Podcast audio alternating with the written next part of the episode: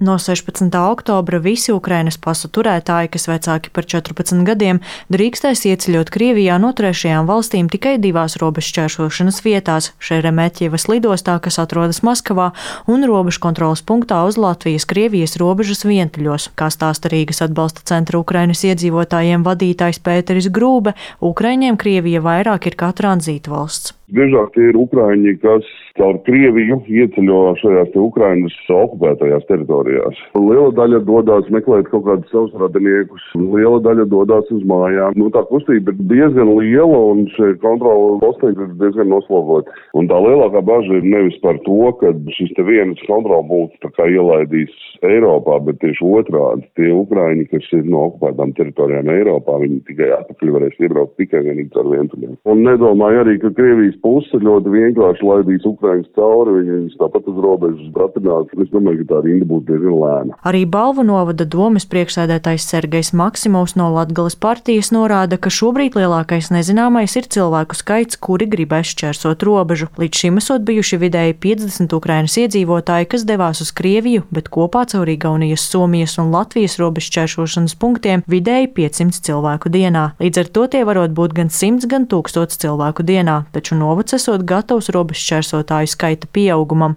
tā uzsver Maksimovs. Es tiku sasaucis uz civilās aizsardzības komisiju kopā ar drošības struktūrām un valsts robežsardze.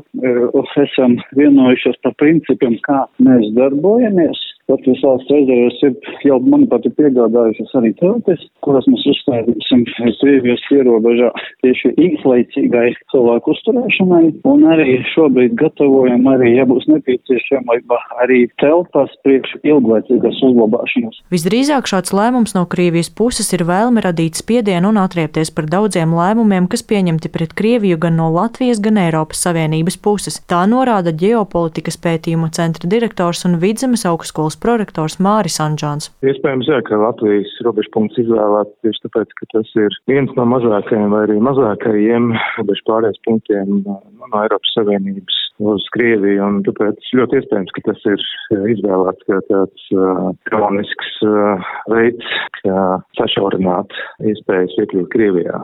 Domāju, ka tas varētu būt viens no iemesliem. Un, protams, Latvija tradicionāli ir bijusi valsts ar vienu no stingrākajiem atbalstiem Ukrainai, tāpēc domāju, ka izvēle varētu būt diezgan loģiska. Krievijai Eiropā ir sauszemes robeža ar Latviju, Igauniju, Somiju, Norvēģiju, kā arī Lietuvu karaļaučos. No Latvijas iebraukt Krievijā līdz šim varēja izmantojot septiņus robežu kontrolas punktus. Arī Igaunijā pa sauszemi Krievijā varēja ieceļot pa septiņiem, bet no Somijas vairāk nekā desmit sauszemes robežu šķēršošanas punktiem. Norvēģijā ir tikai viens šāds robežu punkts. Vientuļu robežu šķēršošanas punkts Latvijā ir mazākais un pamatā satiksme starp abām valstīm intensīvāk notikusi caur citiem punktiem, piemēram, Terehovu, Grebņevu vai Zilpi. Turpina ārlietu ministrijas preses sekretāre Diāna Eglīte. Ārlietu ministrs Krišāns Kariņš ir publiski paudis, ka Krievija šādā veidā turpina savu taktiku, cenšoties šķelt Eiropas Savienības dalībvalstis, kam ir robeža ar Krieviju. Viņš arī norādīja, ka Šāda rīcība ir lemta neveiksmē un ir uzsvērs, ka Latvija cieši saskaņos vienotu nostāju ar